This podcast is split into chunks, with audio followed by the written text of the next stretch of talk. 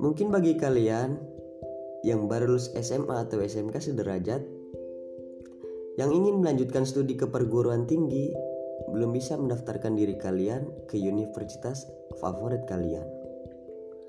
Atau juga bagi kalian yang ingin langsung bekerja. Rasanya saat ini sedang merasakan bagaimana sulitnya mencari pekerjaan. Begitu pula dengan saya yang saat ini juga merasakan dampaknya. Mari bicarakan. Semoga setelah pandemi ini urusan kita semua dapat dipermudah. Simak terus ya. Terima kasih.